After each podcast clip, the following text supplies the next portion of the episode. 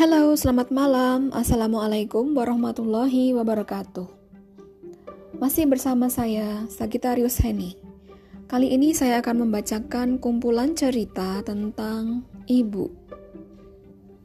Kisah ini diambil dari buku antologi Pegiat Literasi Nusantara yang berjudul Muara Kasih Ibu.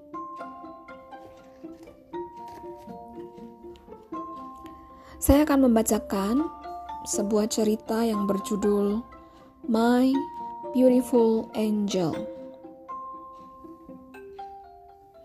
Simaklah lirik lagu keramat karya Roma Irama berikut ini. Hai manusia, hormati ibumu yang melahirkan dan membesarkanmu. Darah dagingmu dari air susunya jiwa ragamu dari kasih sayangnya. Dialah manusia satu-satunya yang menyayangimu tanpa ada batasnya. Penggalan lirik lagu karya Roma Irama yang berjudul Keramat tersebut sangat melegenda sampai saat ini.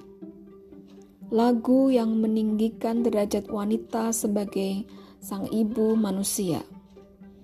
Yang lebih dahsyat lagi, Lirik lagu itu bisa menjadi inspirasi untuk menulis sosok ibu di hatiku. Ya, dalam ajaran agama Islam, kedudukan ibu sangatlah tinggi. Ketika Nabi Muhammad ditanya oleh sahabat, "Siapa yang harus dihormati?" Nabi menjawab, "Ibumu." Lalu sahabat bertanya lagi, "Lalu siapa?" Maka jawab Nabi, "Ibumu." Sahabat bertanya lagi, "Lalu siapa?" Jawab Nabi, "Ibumu." Sahabat pun masih bertanya lagi, "Lalu siapa?" Jawab Nabi, "Ayahmu." Jelaslah bahwa kedudukan wanita sangat tinggi, sehingga perbandingannya adalah tiga dibanding satu dengan pria. Lagu tersebut mengingatkan orang bahwa mereka harus menghormati ibu Ibulah yang mengandung dengan susah payah selama sembilan bulan.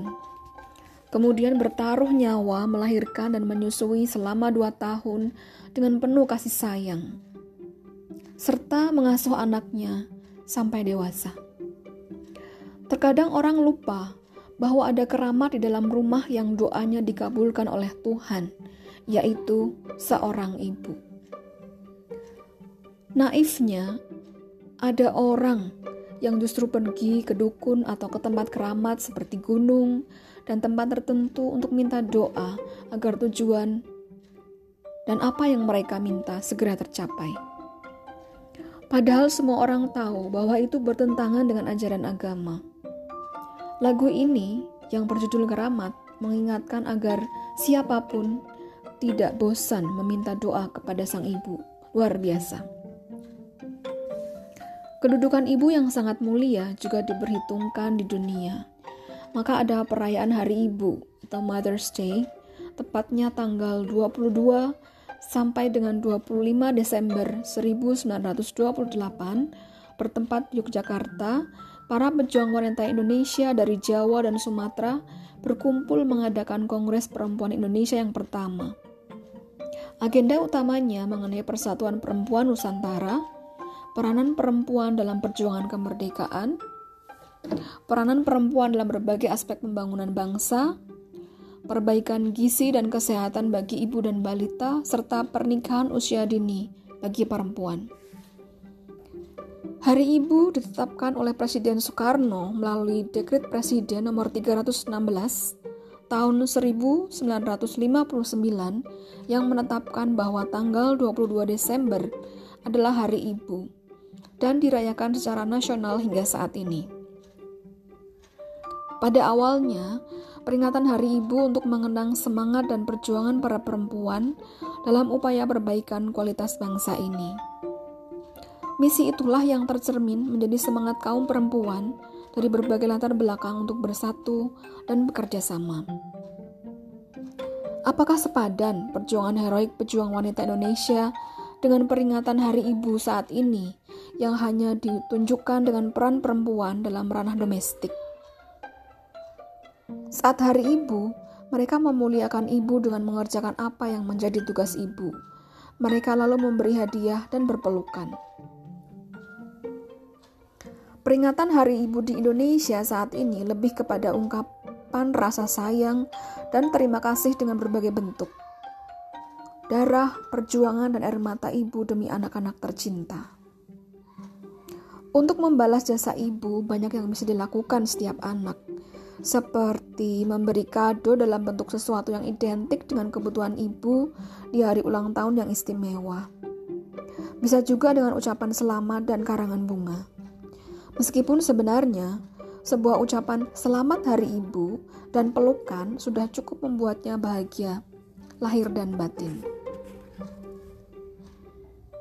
Banyak cara menghibur ibu dengan lagu-lagu bertema rasa cinta pada ibu yang bisa dipersembahkan pada saat istimewa. Di antaranya lagu Bunda dari Melly Guslow, lagu Ibu dari Iwan Fals, lagu Doa untuk Ibu dari Ungu, lagu YTS Ibu dari Naif, lagu For My Mom dari Sheila on Seven, lagu Cinta untuk Mama dari Kenny, lagu Ibu dari Virsa, lagu Pesona Potretmu dari Ada Ben, lagu Sebuah Pengabdian dari Kris Patih, lagu Doa Ibu dari Armada Ben, lagu I Just Wanna Love You dari Gloria Jessica, lagu Masa Kecilku dari Payung Teduh, dan lagu Muara Kasih Bunda dari Ari Susan. Lagu yang syarat makna itu memang pantas untuk memuliakan ibu. Sepertinya semua orang punya definisi tentang ibu yang hebat. Berikut ini pernyataannya. Pertama, menjadi ibu itu kodrati alamiah.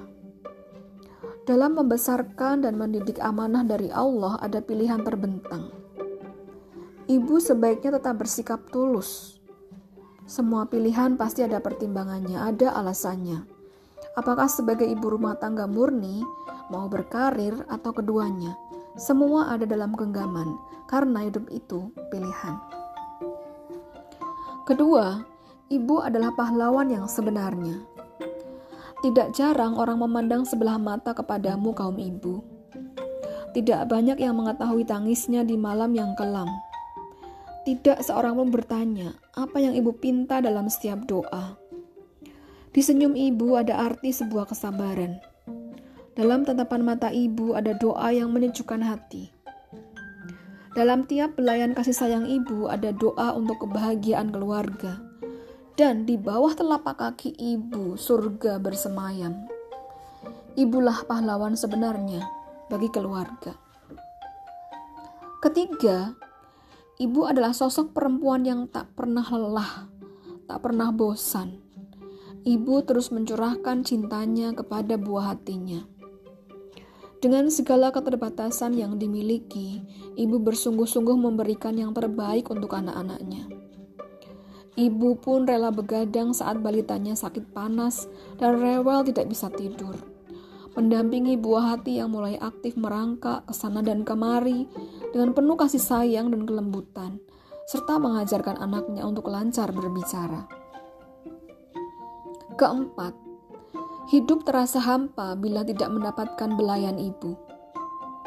Ibu terus melakukan apa pun untuk menyelamatkan dan melindungi anaknya. Apabila ada seorang ibu yang marah-marah kepada anaknya, mungkin hanya ungkapan kekecewaan sesaat. Namun yakinlah bahwa jauh di lubuk hatinya ibu sangat sayang anaknya. Dan kemarahannya adalah nasihat untuk kebaikan yang belum kita pahami. Ibu selalu punya cara untuk menyayangi anaknya. Kelima, sudah selayaknya kita berbakti kepada ibu. Tidak ada anak yang berhasil menjalani hidupnya dengan mulus tanpa peran seorang ibu. Peran beliau lebih hebat dan lebih berani dibandingkan semua tokoh yang pernah kita kenal di dunia ini. Keenam, marilah kita pandai bersyukur. Berilah yang terbaik untuk ibu meskipun jasa ibu tidak akan pernah dapat dibalas oleh anaknya.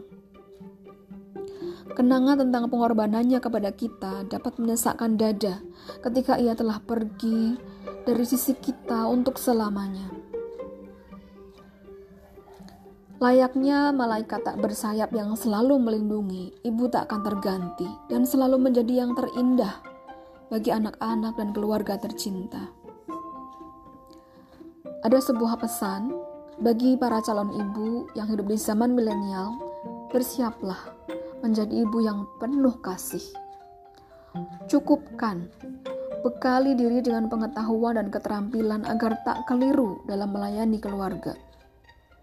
Bersiaplah menjadi malaikat tercantik yang berkarakter mulia untuk buah hati, suami, dan seisi rumah.